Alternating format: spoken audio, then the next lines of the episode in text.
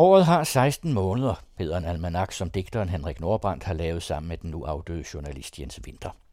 Almanakken har fået navn efter Nordbrands nærmest folkekære digt om november, november, november, november, og derfor har året jo altså 16 måneder.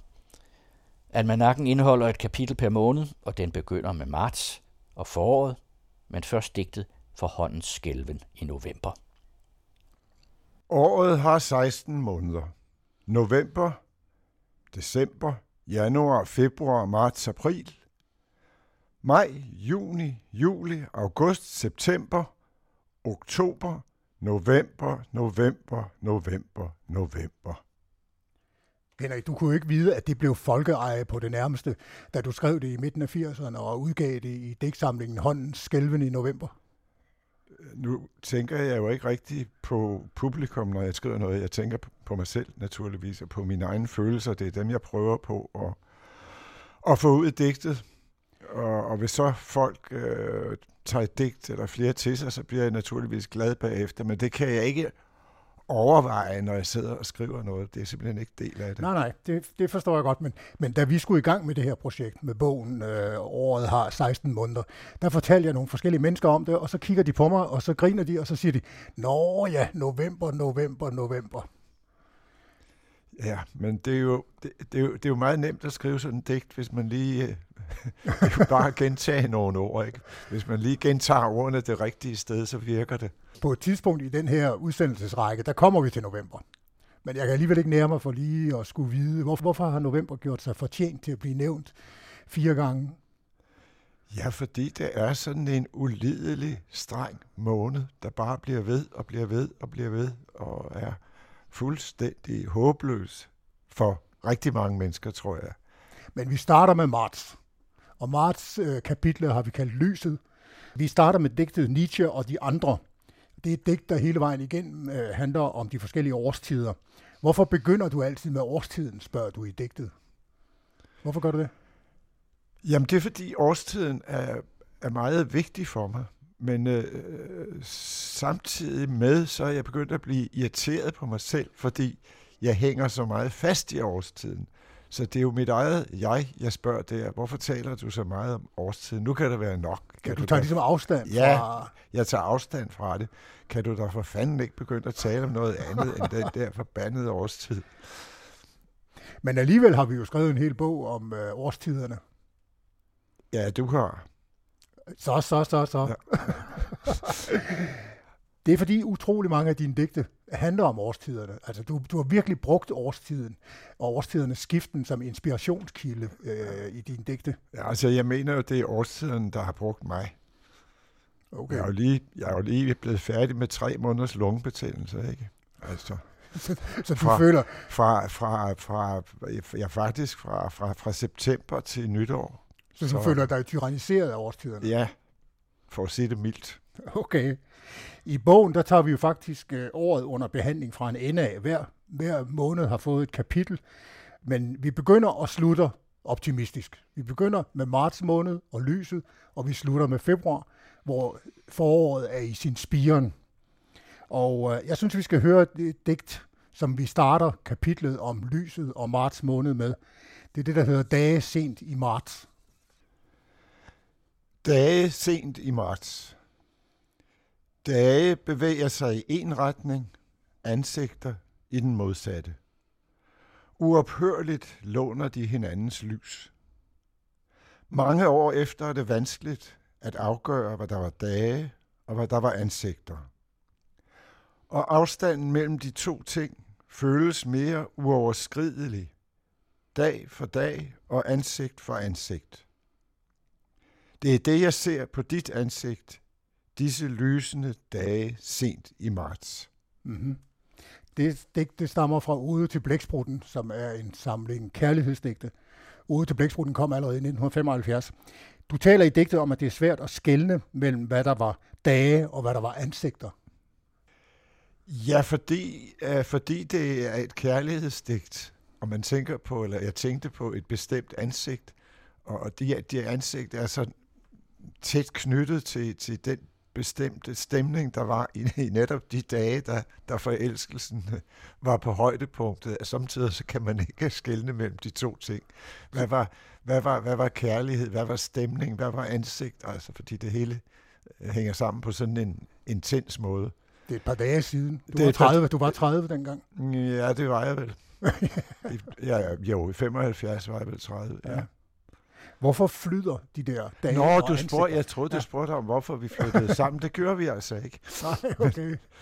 Øh, men nej, fordi så, så oplevelser kan være så uh, intense, at man råder tingene sammen simpelthen. Altså, det er jo, det, det, er jo, det er jo et klassisk motiv i kærlighedsdækning i, i, i virkeligheden. Ja, ja. Jeg har bare udtrykt det på en lidt anden måde her. Man kan sige, at jeg har simplificeret det, eller sat tingene op mod hinanden for at, at gøre det klare. Jeg synes, det er en utrolig flot slutning. Øh, det er det, jeg ser på dit ansigt, disse lysende dage sent i marts.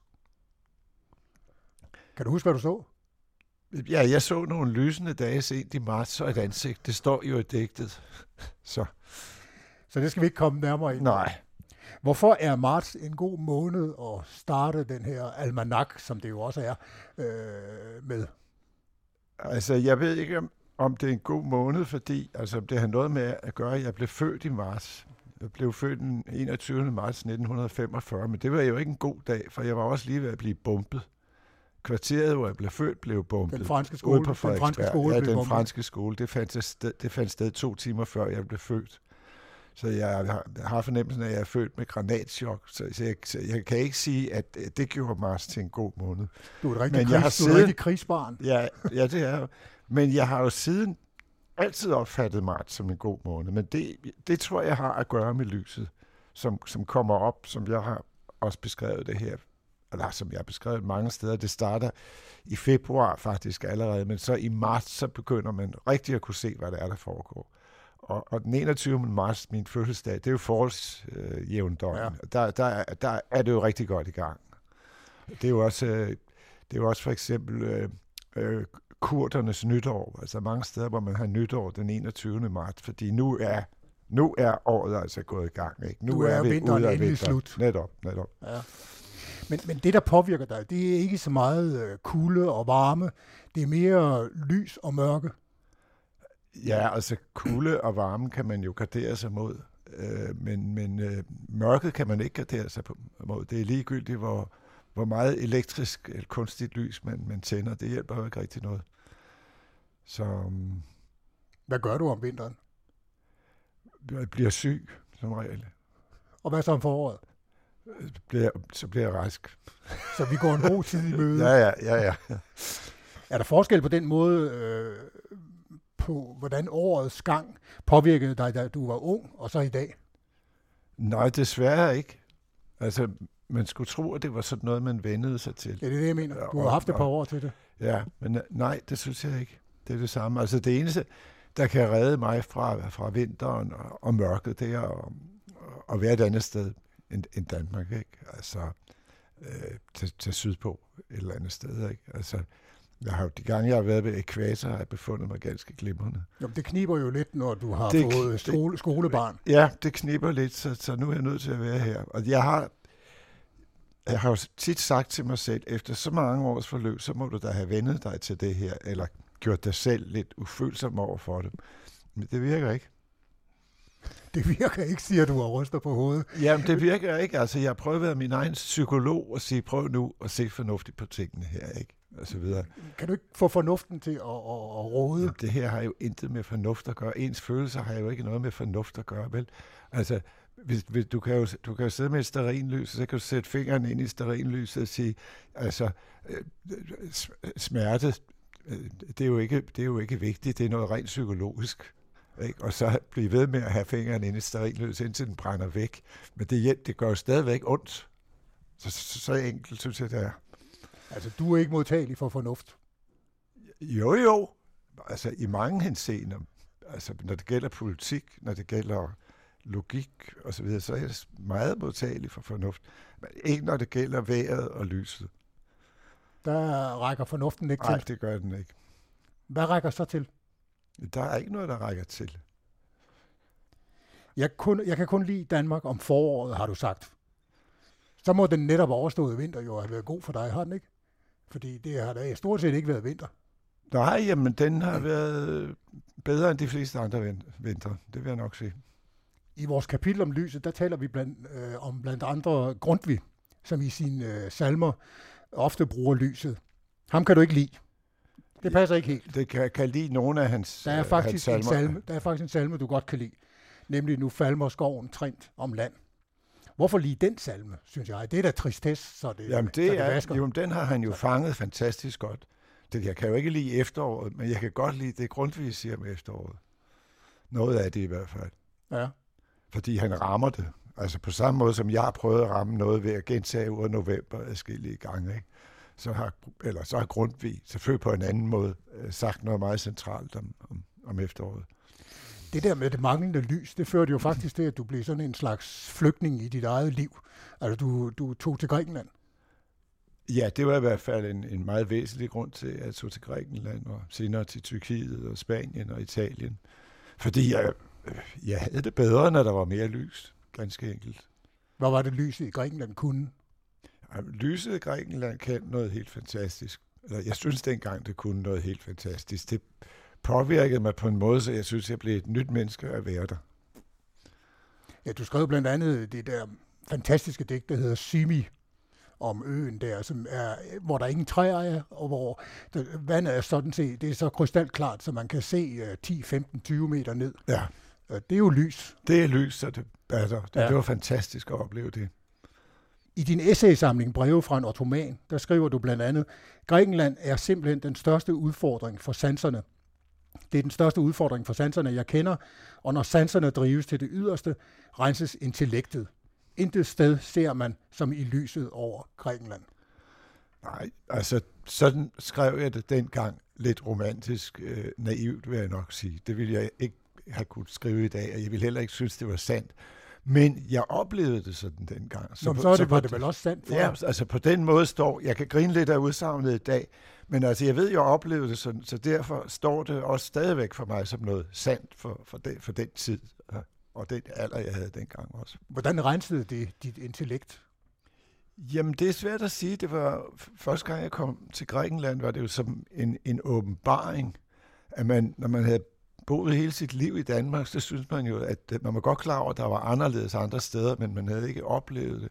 Og pludselig, så oplevede jeg, at det kunne jo faktisk lade sig gøre. Det kunne måske lade sig gøre ikke at være deprimeret om vinteren, ikke? Ikke at, at blive syg fra, fra, fra november til marts.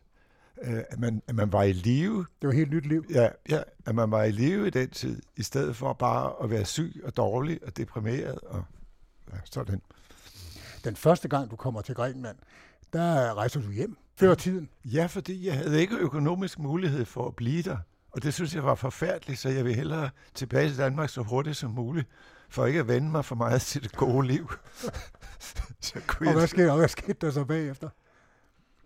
Jamen altså, det, jeg, fik jo nærmest nervesambrud. Det var forfærdeligt. At, uh, men så fik jeg jo i løbet af nogle få år økonomisk mulighed for at være der i længere perioder. Ikke? slår man ned i Grækenland, så var det jo noget andet. Og så blev du smidt ud øh, i forbindelse med Junta. Ja, men det er jo en anden historie. Ja. Ja. Hvordan vil du sige, at Grækenland forandrede dit liv?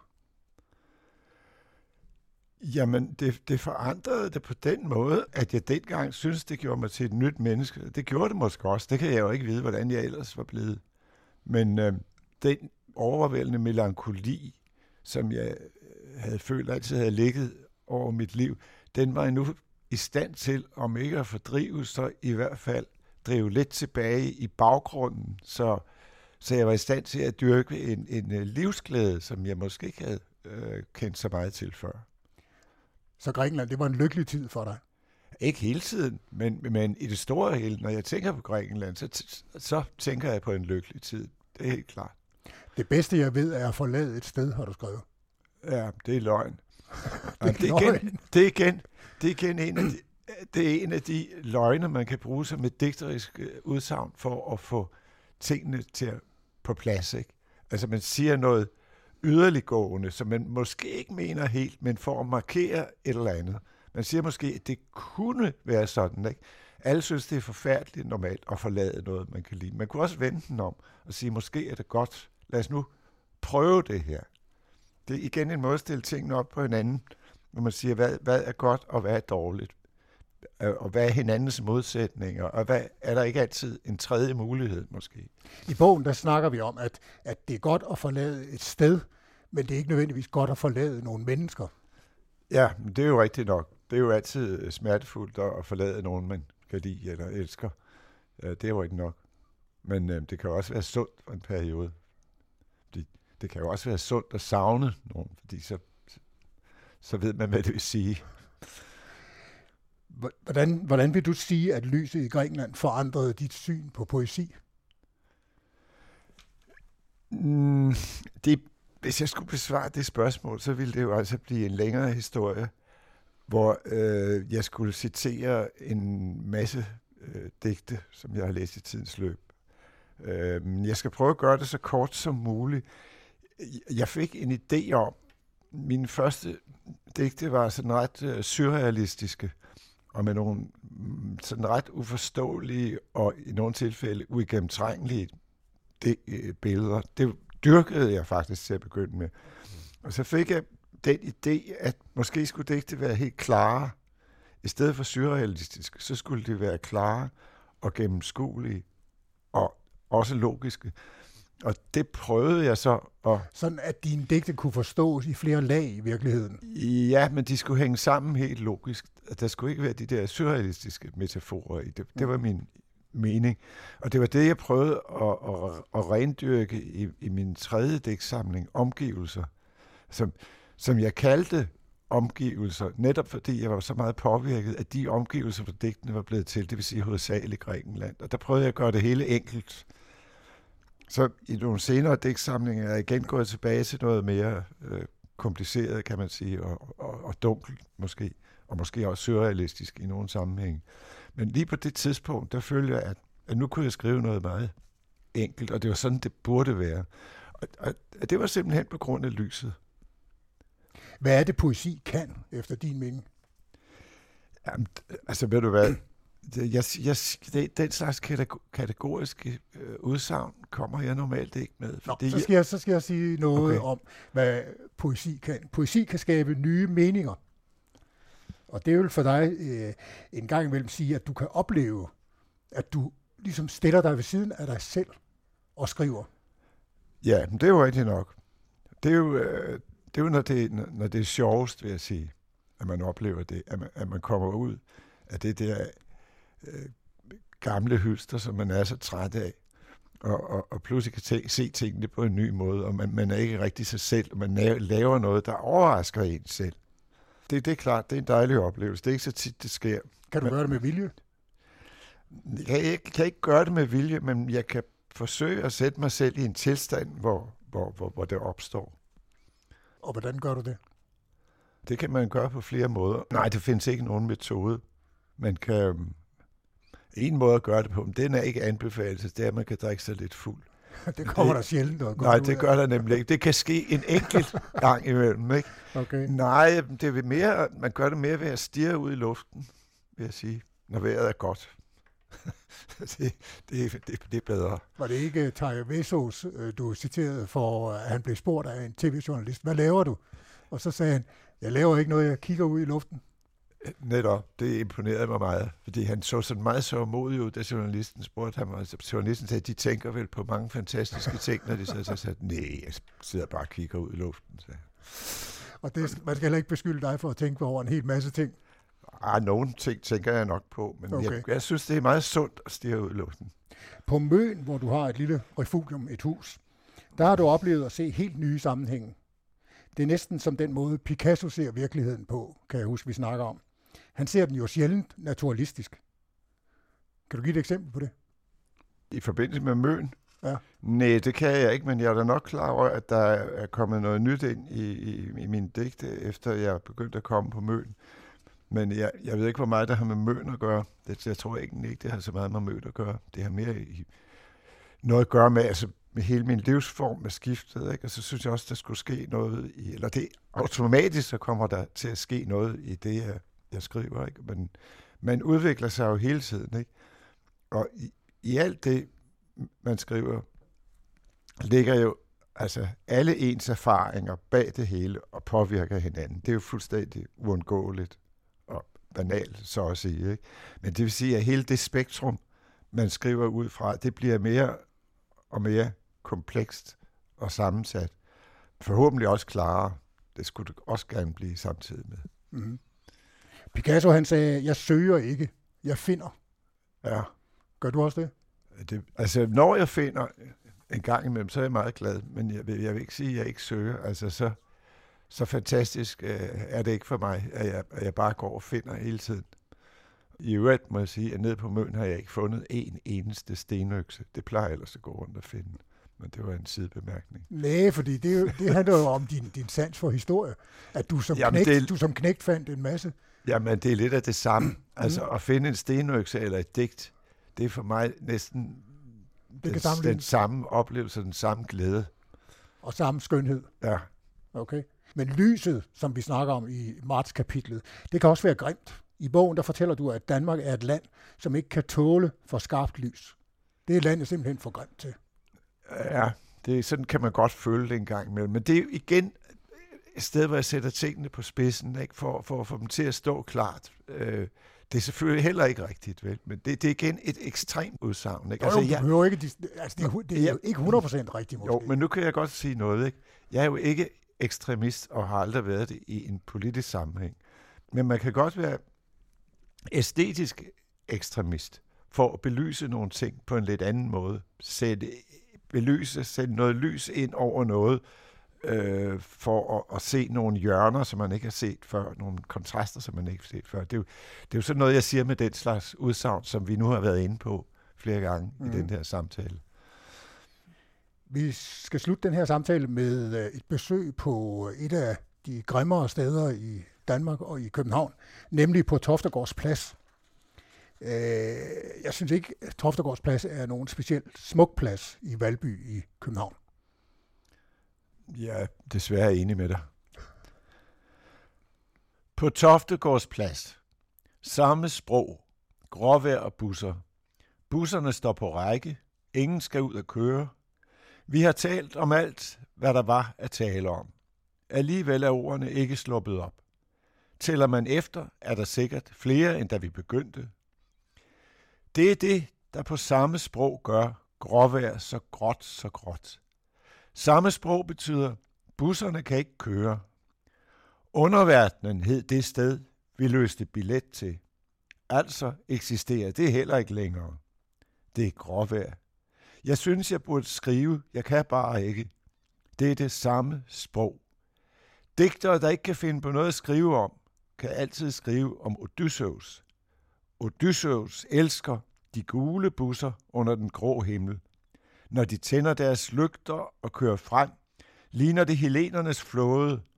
Helenernes flåde set fra kysten af trojanerne vel at mærke, og de har været i underverdenen lige siden.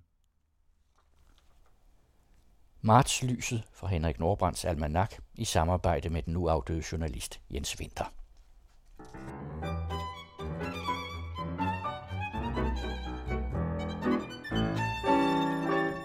Det her er den anden radio.